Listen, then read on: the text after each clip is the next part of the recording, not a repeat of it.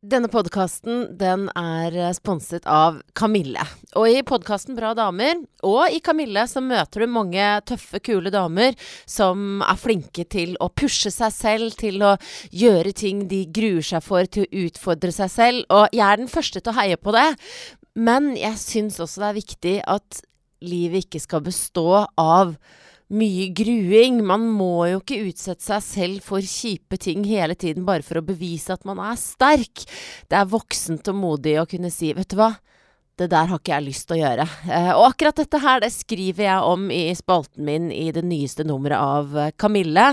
Og ellers så er det et, eh, et stort festmagasin. Vi er jo inne i festmåneden mai, så det kan du også lese mye om i siste nummeret av eh, Kamille, som altså sponser denne podkasten.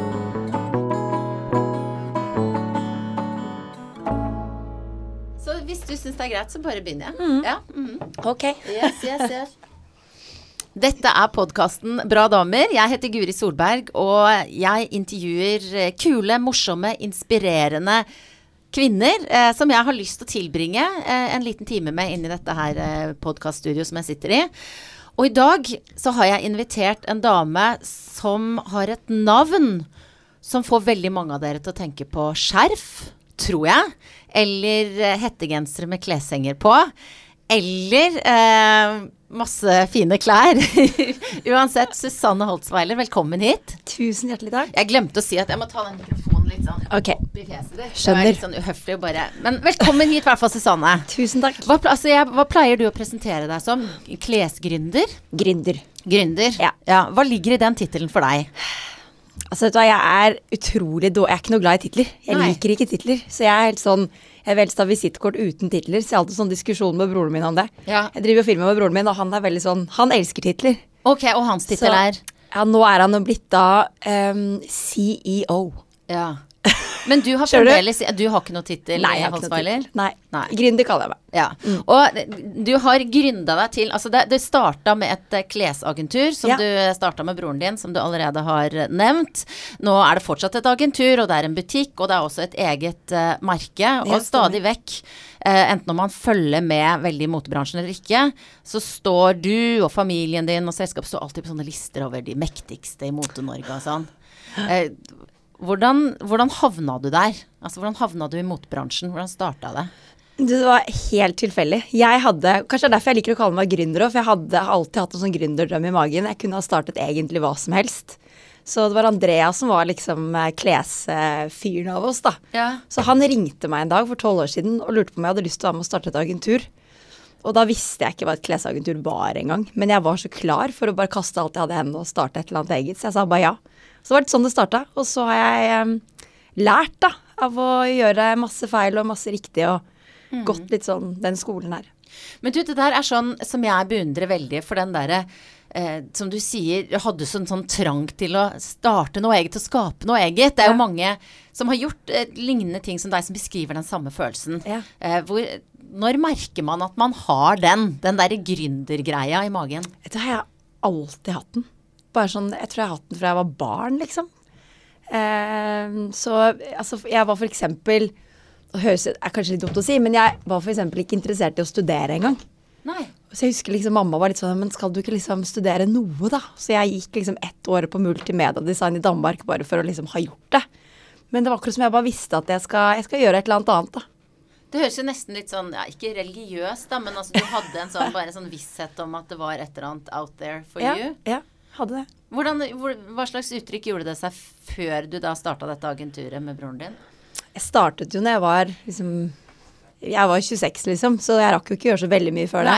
Men øh, jeg jobbet mye med salg, så jeg hadde veldig mye sånn salgserfaring. Eh, og bare, ja, prøvd veldig mye forskjellig. Hva er det ved deg som gjør deg til en god selger, da? At jeg liker å snakke med folk. Liker å prate. Eh, og at jeg har veldig mye engasjement. Eh, ja. Det at uh, Holtzweiler uh, nå stadig, som jeg nevnte, figurerer på sånne altså Dere trekkes fram som en suksess, da. Um, hva er det som har gjort det? Det er et veldig godt spørsmål. Det Altså, jeg tror um, Jeg tror kanskje det det handler om at vi har fra dag én, da, har vi bare på en måte gjort det vi tror på selv. Vi har liksom ikke vært så veldig opptatt av om man skal komme på noen lister eller vinne noen priser. eller liksom ikke Det er jo en sånn bieffekt som er sykt hyggelig. Altså Akkurat nå så føler jeg liksom at eh, vi blir veldig sånn heiet på her hjemme i Norge, da. Og det er jo Altså det er utrolig hyggelig. Eh, men jeg tror det handler om at vi alltid liksom har vært, vært opptatt av å gjøre ting litt annerledes. Eh, prøve å skape liksom nye ting som ingen har ja, gjort før oss, da. Eh, ja. Hvordan annerledes da? Um, for eksempel når vi lanserte skjerf da, første gang når vi skulle starte vårt eget brand, så satt vi og tenkte hvordan kan vi gjøre skjerf på en måte som ingen andre har gjort skjerf før. Så da lanserte vi jo skjerf på rull, og folk kunne kjøpe så mange meter skjerf de ville. Og betalte per meter. Og vi trodde det skulle være litt mer sånn gimmick på en måte for å sette oss litt på kartet, og så funket det jo superbra. Så um, mm. Men en sånn idé, hvordan oppstår den? Den oppstod av at vi hadde drevet et agentur i fem år, og at liksom vi ønsket å starte et eget brand, da. Og så var, eh, eller er verken Andreas eller jeg utdannede designere. Så vi, eh, vi tenkte liksom hva kan vi gjøre? Og så så vi jo der ute. Vi har jo bygd mye forskjellige brands, så vi har jo liksom en know-how på hva som funker og ikke funker, og så at skjerf var en business, da. Som vi kunne ta liksom en liten andel av. Så sånn starta det. Hvordan er forholdet mellom dere to da? Altså Har dere, du og broren din, noen sånn definerte roller? Hvem som gjør hva? Ja, nå har vi det. I starten var vi litt sånn alle, der begge gjorde alt. Og så skjønte vi etter hvert at det var liksom ikke så veldig effektivt. Og så eh, var det egentlig veldig mange år hvor jeg var litt sånn hun administrative som holdt i alle tøylene og gjorde litt den daglige lederjobben. Ja. Og så var Andreas han kreative som fløy rundt. Og han er, altså, han er fantastisk til å bli kjent med nye folk. Eh, så jeg liksom pusha han alltid foran til å liksom bli kjent med alle, og så kunne jeg liksom ja, holde fortet, da. Helt til jeg for eh, kanskje to, år, to og et halvt år siden bare fikk litt nok. Ja. Så jeg gikk rett og slett skikkelig på veggen. Eh, og etter det, så det var ganske interessant, fordi da tok Andreas plutselig min rolle, da. Så jeg husker han sa til meg, jeg tror det var noe av det fineste han har sagt til meg når jeg rett, Altså, jeg var jo ute, liksom. Jeg elsker jobben min, så skal ganske mye til for at jeg faktisk klarte å gå på en sånn smell, men det gjorde jeg da. Men da husker jeg han sa til meg at eh, han var så takknemlig for at jeg hadde gått på den smellen. Fordi det betydde at jeg hadde tillit nok til at han faktisk også kunne holde fortet. ja. Og det er bare ah, Det var så fint sagt. At han så noe fint da, i at jeg faktisk var sykemeldt og ikke fikk liksom bidratt noen ting. Så etter det så snudde rollene våre, da. Så da eh, fant vi jo ut at han er jo mye bedre med tall enn meg. Jeg hater jo tall. Jeg syns det er så kjedelig med tall. Så vi har liksom switcha litt roller, da. Så nå gjør jeg ikke noe administrativt lenger. Jeg bare er ute og leker meg, og er kreativ og skaper nye ting. Og har liksom virkelig drømmejobben min, da. ja, så sier du at du, du elsker jobben din, så det skal en del til eh, før du går på veggen. Ja. Jeg tenker ofte sånn at hvis man elsker jobben sin så høyt som det du tydeligvis gjør, da, og som jeg kjenner meg litt igjen i, så da er det kanskje vanskeligere å merke når man holder på å møte veggen. ja. Det er kanskje et veldig godt poeng. Hvordan arta det seg da du, da du gikk på en smell? Mm, um, begynte Jeg var veldig mye syk. Ble veldig mye forkjøla. Um, og, ve og så begynte det med en sånn svimmelhet. Um, som ble, kom liksom oftere og oftere. Så jeg trodde egentlig hele tiden at bare det var en utrolig lang høstforkjølelse. Altså jeg var ikke i nærheten av å tenke at jeg skulle gå på noe smell, liksom. Uh, og så uh, utviklet jeg ganske mye sånn matallergier. Intoleranser. Så det har jeg også skjønt i ettertid at var liksom, det var kroppen som bare skjøtta ned. Så til slutt så kunne jeg ikke reise meg opp før hele rommet svingte rundt, liksom. Så Så du var, altså, du var sengeliggende, da? Nei, jeg var ikke det. Jeg var veldig opptatt av Men altså, jeg, jeg sov veldig mye. Altså, jeg sov liksom 14 timer i døgnet. Ehm, men jeg klarte å komme meg opp, og jeg liksom tvang meg selv hele tiden til å gå en tur hver eneste dag. Og begynte å meditere, gjorde litt yoga. Jeg hadde veldig sånn fokus på å gjøre noe positivt hver dag, da. Mm. Og, og hvordan gikk det? Altså, funka det? Hvor gikk jo bra. Ja, sitter du sitter jo her. Så nei, jeg kom meg på beina. Det, var en, det, tok, noen, det tok noen måneder. Men jeg føler sånn i ettertid er jeg glad for at det skjedde. Fordi at jeg har liksom lært så utrolig mye mer om meg selv og blitt mye mer bevisst på at jeg skal bruke tiden min på det som gir meg noe, og ikke gjøre alle de der jeg burde, måtte, skulle tingene, da. Så jeg har blitt veldig bevisst på det, og så er jeg blitt veldig mye mindre kontrollfrik. Ja. Jeg var liksom helt Altså, jeg var så kontrollfrik at jeg er helt flau når jeg tenker tilbake. Men nå er jeg litt mer sånn Vet du hva, det skjer det som skjer, liksom. Og så får det bare gå. Så du har liksom learned the hard way, da. Eh, Mm. satt ting litt i perspektiv. Ja, på en måte er jeg det. Ja. Men eh, Men, men altså, det er jo eh, Det er jo interessant det du sier med at du liksom At du lar ting gå litt mer og bruker ikke energi på de mindre viktige tingene. Men eh, hva er trikset for å få til det? For det er jo av og til litt vanskelig, syns ja, jeg. Ja. Um, vet du hva um, Jeg tror det er noen ganger at man bare må stoppe opp og bare Eller det er kanskje litt sånn øvelse. Og jeg tror kanskje når jeg erfarte liksom prisen man betaler for å være kontrollfrik, da, og ha kontroll på alt hele tiden, så var det litt sånn ehm, Jeg er ikke villig til å gå tilbake dit, liksom. Og man hører også om veldig mange som går på veggen, og så går det et år, og så går de på veggen på nytt. Så jeg har vært veldig sånn I starten var jeg veldig redd for det. At jeg skulle gå på den samme smellen igjen. Så jeg har vært veldig opptatt av å liksom se hvordan jeg kan forandre meg, da. Og så er det også noe med at når man ser eh, hva som skjer når jeg gir andre rom, da, og gir andre Ja. muligheten til å ta ansvar selv, og ikke hele tiden skal på en måte passe på, så altså, resultatet er jo 100 ganger bedre. Folk blomstrer rundt meg, jeg ser liksom Eller bare hele businessen vår òg. Er ikke derfor den går så mye bedre, men jeg tror det også er en stor grunn til det. da. At uh, jeg har turt å slippe opp litt mer, da. Hvordan er det som sjef? Nei, jeg, jeg, får, jeg får faktisk ganske mye komplimenter som sjef. Jeg Ja, gjør det. Jeg syns uh, eh, åh, Det er alltid vanskelig å snakke liksom så himla positivt om seg selv, men, Ja. Men jeg får ofte høre at eh, jeg tror folk syns jeg er inspirerende. Eh, men at jeg sier ifra. At jeg er ærlig. Mm. Eh, samtidig så har jeg også faktisk fått høre at Det var en, en ansatt som har sagt til meg nå for litt siden at, at jeg er litt lukket. Å ja. Og så ble jeg sånn jøss, jeg føler meg egentlig ikke så lukket. Men så sa hun å du er veldig du er veldig åpen når det går bra, og så er du lukket når det går dårlig. ja. Det er, det er jo mange ja, Det er kanskje noe man kan kjenne seg igjen i, de som hører på. For det er jo liksom litt vanskeligere å snakke Ja. om Det spørs jo hva som går dårlig, da. Ja, det Men det, det er uansett kanskje ofte litt vanskeligere å sette ord på det på et vis, da. Eller hvordan er du på det? Syns du det er vanskelig å beskrive når du ikke har det greit, eller har det utfordrende? Altså, Da går jeg liksom ikke og snakker med de ansatte om det. Nei. Jeg snakker kanskje med andre folk om det, da. Så jeg er veldig flink til å prate. Jeg er ikke noe sånn som ikke Ja, ikke deler. Det er kanskje liksom riktig òg, når man er sjef. Jeg syns det. Jeg syns det. Men, ja. Men kan de ansatte komme til deg? Gjør de det? Absolutt. Det gjør de. Mm. Absolutt. Hvordan, for jeg, altså jeg har aldri hatt noe personalansvar. Jeg, det å ha ansatte fremstår for meg som blanding av eh, dritskummelt, men også litt gøy. Eh, hva er, har dere noe sånn jeg, filosofi, måte dere styrer bedriften deres på? Her gjør vi det sånn.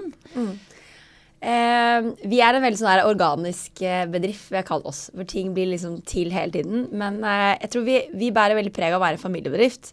Og vi har liksom, altså sånn helt seriøst, vi har en Altså, vi har så mye bra folk. Vi Ja. har en, jeg, jeg får sånn gåsehud når jeg sitter og sier det bare. Oi. Fordi det er så mange dedikerte mennesker, og det er sånn alle føles som familie, og det er nesten sånn de har lyst til å henge med på fritiden er de på jobben, liksom. Altså vi, og alle behandler det virkelig som sitt eget. Og noen ganger så blir jeg litt sånn Herregud, gjør du dette her for jobben, liksom? Så det er jeg bare helt utrolig takknemlig for. Og så er det noe med at når man først har fått en sånn kultur, da, så er det litt sånn for alle som kommer inn, så ser jo de også at liksom hvordan de andre som ikke har familie, behandler jobben, da. Så blir det en veldig sånn positiv eh, ringvirkning, da. Så det er eh, ja. Men du sier det er som familie, men faktum er at du jobber jo også eh, med eh, familien din. Altså Ja. svigerinna di, moren din og faren din og mannen din har jeg skjønt er også involvert. Så det er jo liksom hele bunchen eh, her. Eh, og det funker tydeligvis veldig bra, da. Um, Mannen min er ikke involvert, da. nei, ok. Jeg er faktisk eh, nyskilt. Å, herregud. Det var, der tråkka jeg rett på vet, men tærne. da- det- det går ja. ja, men okay, men ok, men det viser jo hvor sårbart det er, da. Ja. For, det, eh, for sånn jeg har forstått, så har han vært inne med penger på et eller annet tidspunkt, og sikkert vært med i, et, Mm. Mm. i en eller annen større eller mindre grad. Hvordan er det da, når man ikke er familie lenger? Hvordan takler man det? Eh, altså Det er jo litt sånn eh, baksiden av medaljen, da. Mm. Eh, men eh, PT har det gått veldig fint. Og da eksmannen min, han har aldri vært på en måte involvert i noe daglig drift. Så han har bare sittet på eiersiden, så det har egentlig vært veldig sånn ukomplisert i forhold til jobben.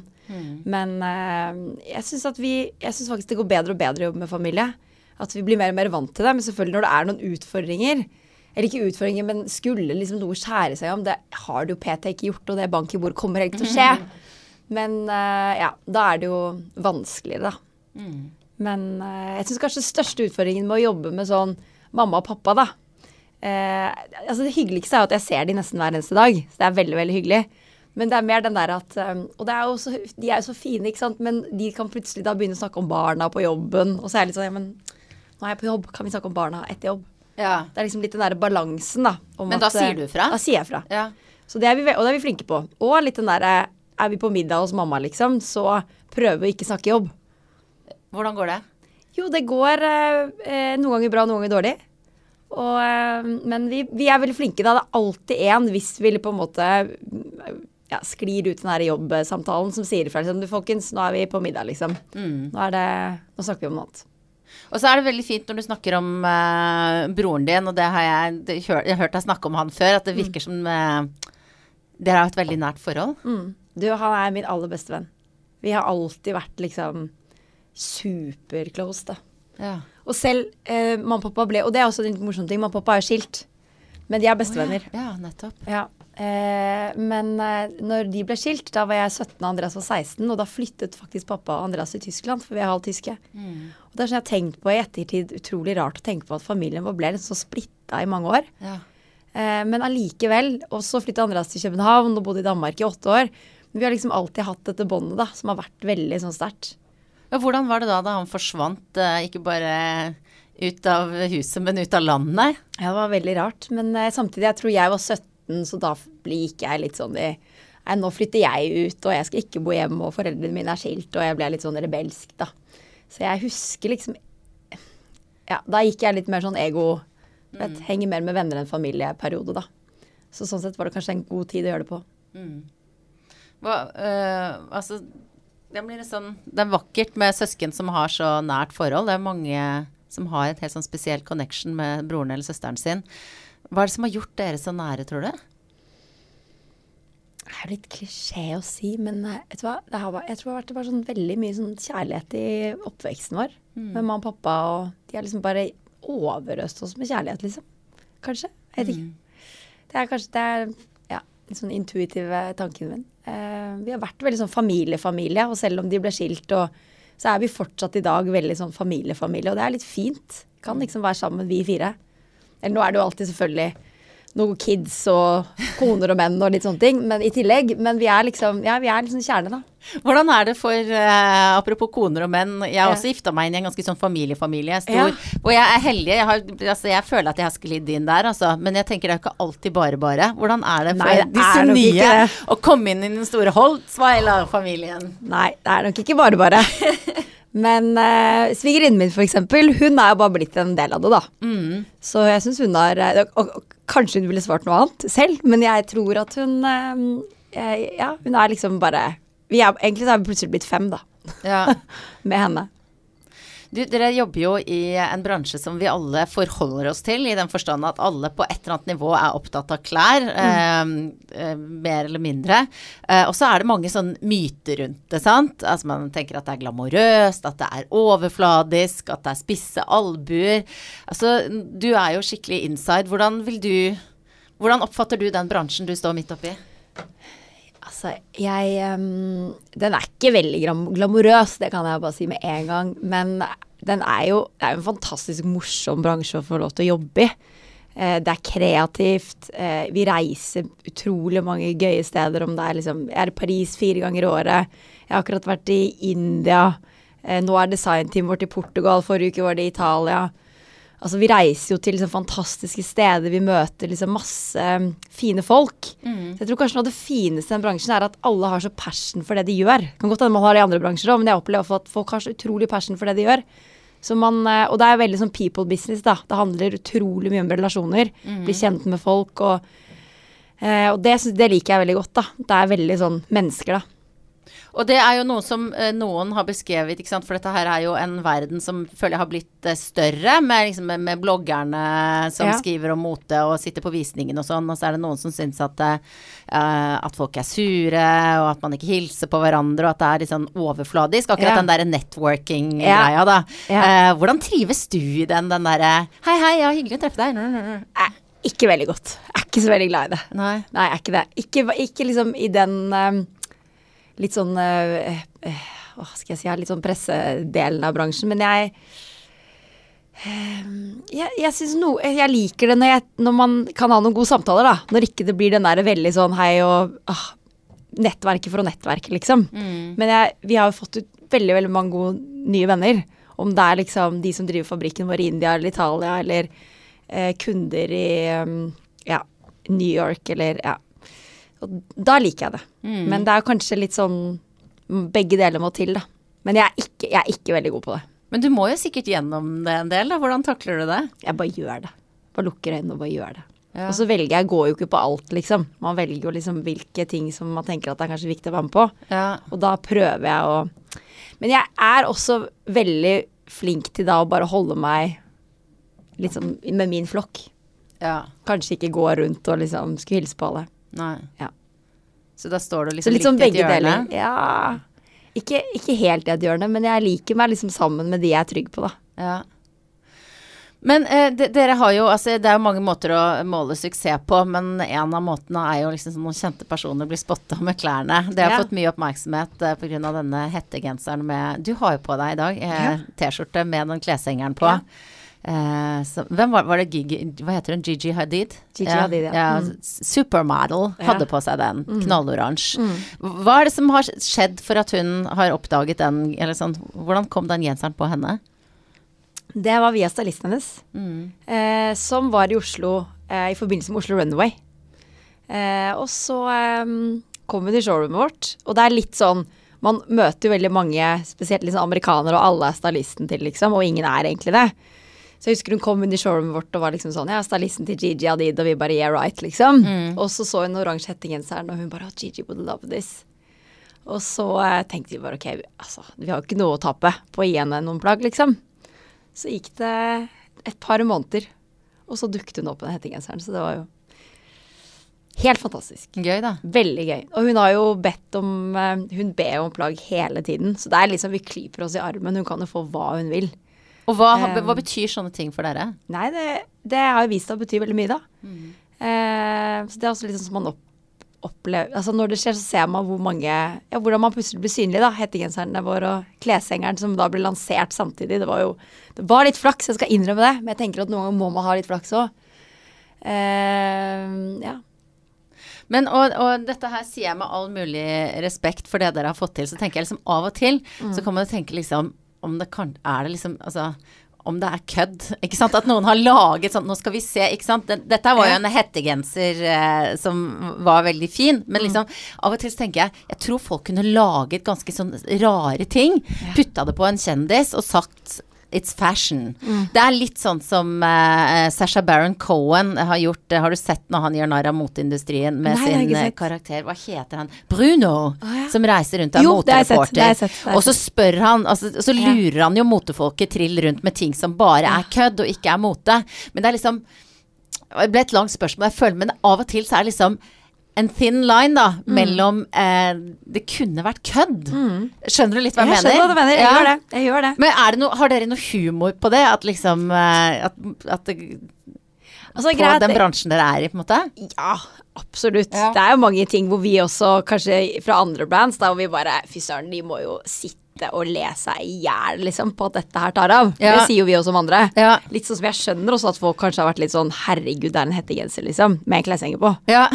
Hva, skjedde? Altså, Som vi koster Hvor mye koster den egentlig? 1500 kroner koster den. Ja, ja. Det er jo litt dyrt, da, men ja. Ja, Ja. men uh, eh, Men liksom når man da opplever at Og det er, er man jo megatakknemlig ydmyk for at liksom, vi blir utsolgt på liksom ingen tid, og nettsiden vår krasja første gang vi skulle lansere produktet, og det er jo, er jo utrolig gøy. Men jeg tror for oss var eh, Vi har jobbet veldig veldig lenge med å finne en logo som var veldig Holtzweiler. Så selv om Og det er jo rart at ingen har brukt en kleshenger før, for det er liksom så obvious, egentlig. Man skal ha en kleshenger på et klesplagg. Eh, men for oss betyr den kleshengeren ganske mye, da.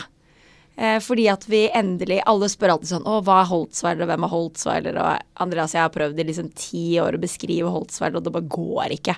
Du vet, og gått i sånn alle mulige byråer som skal lage brand bible og alle de tingene der. Det har gjort det hundre ganger og bare åh, nei, men vi, det er ikke for oss, liksom. Vi, vi klarer ikke å beskrive det. Fordi Holtzweiler er liksom, det er jo familienavnet vårt. Det er liksom en følelse, da. Det Det er noe vi bare har inni oss. Så blir man større, og så skal man formidle det til ansatte, og så bare ah, går det ikke. Men kleshengeren ble jo litt sånn henge sammen. Ja. Eh, eh, hang with eh, us, eller hang with your family, eller hang together. Det ble veldig sånn Holtzwarer, da. Det er litt det Holtzwarer alltid handlet om for oss. Det å være sammen og skape ting sammen. Så eh, ja, vi eh, vi er veldig glad i den kleshengeren. Ja, ja. Men du, du, du snakker jo om din sterke familie, og eh, både dine ansatte og de som faktisk er familien din. Og du har jo barn selv, og på en måte, hvor, hvor viktig er det for deg å skape ja, At de skal ha et sånn tett forhold som du og Andreas har, f.eks.? Åh, det er jo viktig for meg, da. Men jeg kan jo ikke kontrollere det, på en måte. Det må jo bare bli til naturlig for dem. De er jo på en måte to individer, de også, liksom. Så det aner jeg ikke. Men selvfølgelig er jo en drøm om at de også skal bli bestevenner når de blir store. De er veldig gode venner i dag, da. Og så ser de jo De vokser jo opp med å se de tette relasjonene som jeg har til min familie. Eh, så jeg tenker jo at det hjelper, da. Og vokser opp med en eh, driftig og sterk eh, mamma. Eh, tenker Takk. du på deg selv som et, en rollemodell for dem? Eh, ja, jeg gjør det som mor. Absolutt. Så jeg er opptatt av eh, prøve å fortelle de at eh, at de kan gjøre hva de vil. At alt er mulig, på en måte. Det er veldig ofte av å fortelle de, da. Hvordan har, har du Hvor stor har Altså, har du opplevd det sånn? At du kan gjøre alt? Ja, jeg har faktisk det. Jeg har alltid fått eh, utrolig mye rom hjemme. Liksom ingen ideer jeg har kommet hjem med. Jeg har kommet hjem med ganske mye rare ideer. Jeg har vært liksom dumme, da. Hva slags Mamma. ideer da? Nei, nei, det skal vi ikke gå inn på her nå. Jo, Men nei.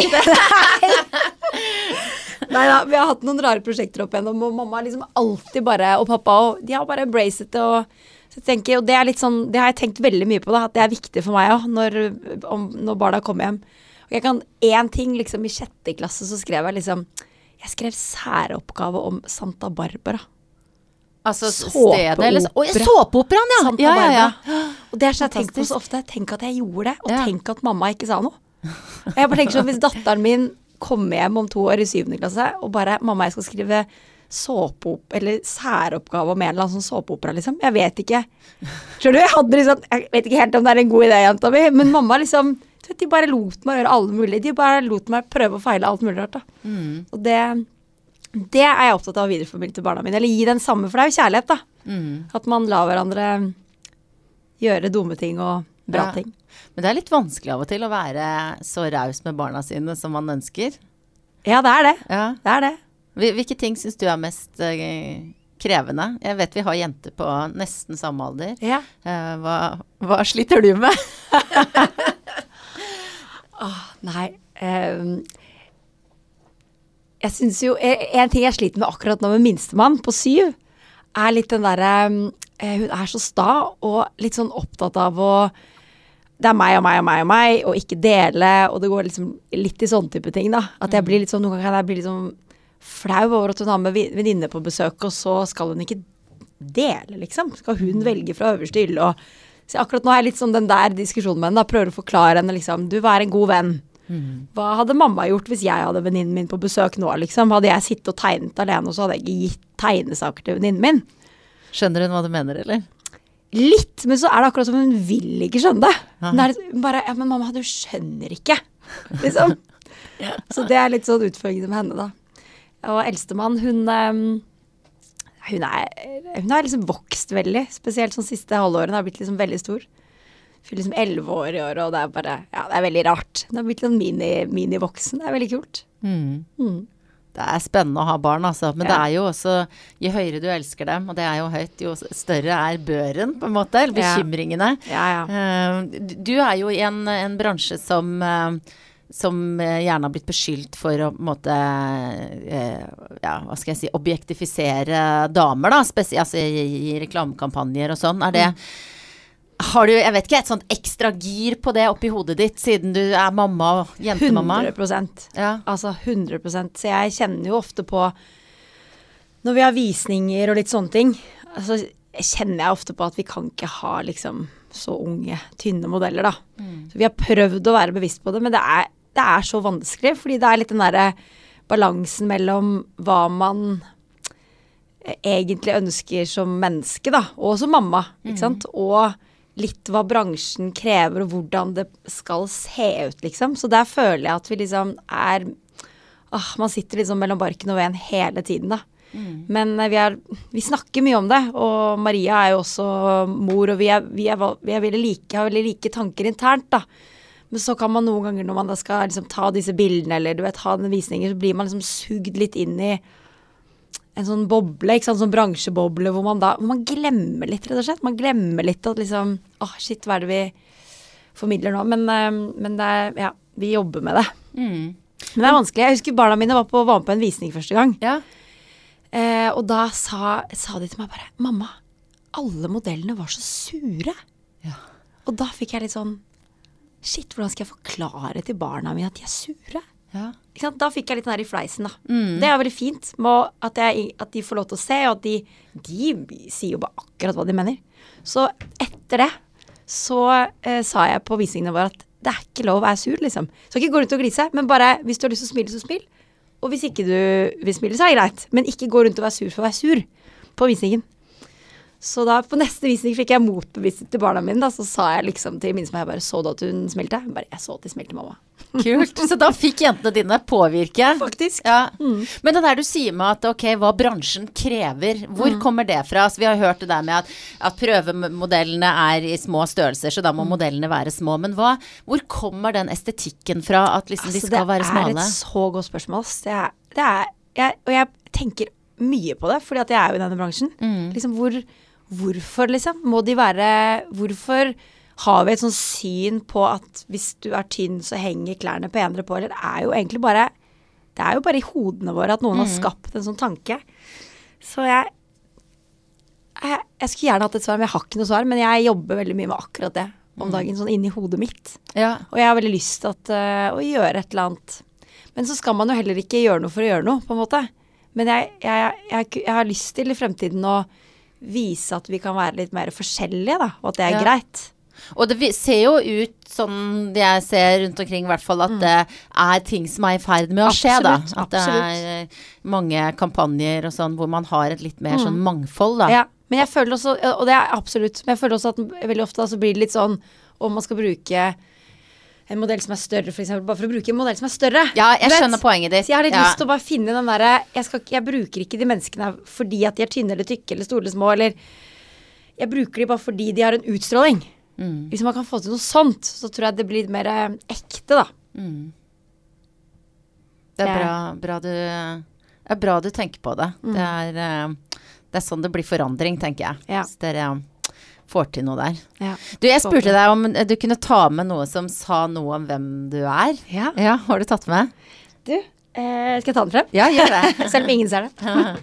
Jeg ser det, Eh, vet du. det var en eh, Det var en morsom utfordring. Men jeg har tatt med en, eh, en notatbok. Ja, med fin, en grå bok med fine skyer og en gul sol utenpå. Nei, ballong Nei, det er en var ballong, og så står det ja. 'Let it go'. Let it go, ja. Men det er egentlig ikke derfor jeg tok den med. Men, eh, men eh, jeg For det første så er jeg Jeg elsker å skrive dagbok. Jeg alltid liksom Det er min lille psykolog, da. Ja. Så jeg har sikkert eh, f 15 bøker liggende rundt overalt hjemme. Jøss. Ehm, og så beskriver du meg litt fordi at eh, i denne boken her da, så står, er det jo litt, og så er det noen blanke ark. Og jeg er veldig sånn Jeg elsker blanke ark. Men jeg har jo med meg liksom en fortid òg. Ja. Så jeg liker den der kombinasjonen av å ta med seg liksom det man ah, vil ha med seg videre, og følelsen Jeg er sånn mandagsbarn, da. Elsker mandag, liksom. Mm. Elsker hva du 1. januar. Litt den derre ah, blanke ark-følelsen. Ja. For da vil du ut og lage noe nytt, du. Så, ja. Ja. det er den Ja. der gira Ja, det er nok greia. den der, ja. Ja. Jeg er interessert i din dagbokstrategi, for der er jo folk litt forskjellige. Hvordan, hva, hva skriver du i dagboka di? Hva som har skjedd, eller hvordan du føler deg, eller? Alt mulig. Ja. Jeg, ikke, jeg skriver ikke så mye hva som har skjedd. Noen ganger så tar jeg meg selv i å bare ah, nå må jeg opp, nå har jeg ikke skrevet på lenge, så nå må jeg fortelle alt som har skjedd i livet mitt. Så blir det sånn, hvem gjør jeg det for, liksom? Ja. Det er jo bare min bok. Så det, er, det har jeg slutta litt med. Mm. Så nå skriver jeg mer sånn Eller jeg gjør litt begge deler, faktisk, altså. Og nå har jeg jo sånn, ja eh, Veldig mye sånn omveltninger i livet mitt, så nå skriver jeg jo nesten hver dag. Og det er sånn Mm. berg-og-dal-bane med følelser og ting og tang. Og det er veldig deilig, fordi jeg får det ut, og det er liksom Det er virkelig en liten psykolog, da. Ja, altså fordi at du Altså når du sier eh, Nå må du bare si hvis du ikke har lyst til å prate om Ja. det, men du er eh, Når du sier nyskilt, hvor ferskt er det? Jeg regner med det er det du viser til når du Ja. sier at det er mye omveltninger Ja. i livet ditt. Du, det er ehm, eh, seks-syv måneder, så det er ganske nytt. Ja. Er det, er det Selvfølgelig er det en sorg når man opplever noe sånn, men kjen, altså, kjennes det som et nederlag på et vis? Du som er sånn en familiejente. Ja, det gjør jo det. Men samtidig så um, Altså, det er, det, er, det, er, det er tøft, liksom. Jeg skal ikke legge det under en stol. Selv om det er riktig, da. Så det Ja. er ikke det at jeg er ikke lei meg fordi at liksom, det er riktig. Så jeg må bare gjennom det. Så det er mer den der sorgen i forhold til barna ikke sant, som ikke får vokse opp med to, en mamma og pappa sammen. og plutselig bare være sammen med de 50% Altså det er jo ah, litt umenneskelig, men man må bare gjennom det. Eh, og det er ikke noe sånn, det er ikke noe dramaskilsmisse, vi er gode venner og alt sånn, så det er veldig fint. Eh, men eh, ja. Da er det blanke ark, da, på en måte, som du Ja, også er, er glad i. ark, Ja, det er det. Så nå er det litt sånn, nå skal jeg lære meg å og, og det er litt sånn, jeg føler meg litt sånn fri som fuglen. Jeg kan gjøre hva jeg vil. Ja. ja, hva skal Så- du gjøre da? Nei, men jeg, jeg, jeg prøver ikke å planlegge så mye. Jeg prøver å bare la det komme, liksom. Jeg har ikke lyst til å Jeg har blitt så flink til å ikke planlegge. Jeg prøver ikke å planlegge så fælt. Mm. Så jeg, og det er en utrolig både deilig og skremmende følelse Ja. å stå Altså, jeg er alene, liksom. Jeg har aldri vært alene. Ehm, så jeg, det er, jeg har sånn blandede følelser rundt det. Men oftest så har jeg litt sånn Så kjenner jeg på litt sånn lykken av å bare våkne plutselig, ikke sant. Fra hektisk småbarnsliv, og så er jeg plutselig flere dager alene Ja. Lø i morgen, liksom. Våkne i morgen tidlig og bare Og jeg har ikke noen planer den helgen her. Oi. Og det er jo så rart. Det er sånn Jeg, jeg vipper mellom eh, eh, Og at det er deilig, og at jeg blir livredd. Bare herregud, må, hva skal jeg gjøre, liksom? Det er lørdag. Ja, Hva skal du gjøre når du har en skal dag? jeg gjøre i morgen? Jeg vet ikke. Våkne. Jeg tror kanskje jeg skal dra på plantasjen og kjøpe meg sånne grønnsaksbokser. Og jeg elsker å dyrke grønnsaker. Å dyrke grønnsaker. Begynne på det. Plante Ja. de ut. Jeg har begynt å plante de inne. Og så kanskje jeg tar en middag i byen med en venninne på sparket, eller Det er jo litt deilig å ikke vite. Jeg er jo ikke Ja. vant til det. Jeg er vant til å ha fullstappa kalender, og er det ikke jobb, så er det ja, barna. Og så skal jeg faktisk se barna i morgen, da, for de skal løpe løpe et løp, så jeg skal dra og se på dem. Så jeg prøver jo alltid å skvise når jeg var sammen med de i går, og jeg liksom skvi, se, prøver å se de mest mulig når ikke det er min uke, da. Ja. Men eh, det er litt sånn eh, ja, skrekkblandet eh, fryd. Det er litt å venne seg til de der 50-50-greiene, Ja. har jeg skjønt. Ja. Den, den dagen de reiser, og Åh, grusomt. den er, hvordan Åh. man gleder seg når de kommer tilbake. Ja. Ja. Bare den følelsen når de kommer i huset og det er bråk. Ja. bare, Herregud, bråk! Ja. Gjør hva dere vil, liksom. Hopp og spill fotball inne, liksom. Det er helt greit. Det er deilig. Apropos det, er du streng? Er du en streng mamma? Nei, ikke så veldig. Nei. Nei. Mm. Syns ikke det. Men eh, ser du på deg selv som sterk? Ja, det gjør jeg nok. Mm. Mm. Ja, jeg syns du virker modig. Ja, takk. Jeg um, pleier jo uh, alltid å stille uh, gjestene mine tre sånne faste spørsmål. Ja. Um, relativt enkle å svare på. Det første er hva spiste du til frokost i dag? Uh, jeg spiste en uh, acai bowl. Å ja. Ja.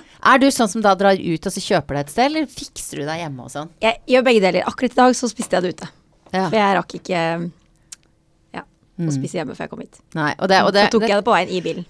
Oh, ja, Jeg vel sånn liksom frokostmenneske. multi- Ja, du er det. Ja. Men også multitasker, da, hvis du spiste i bilen. ja da, det er jeg òg.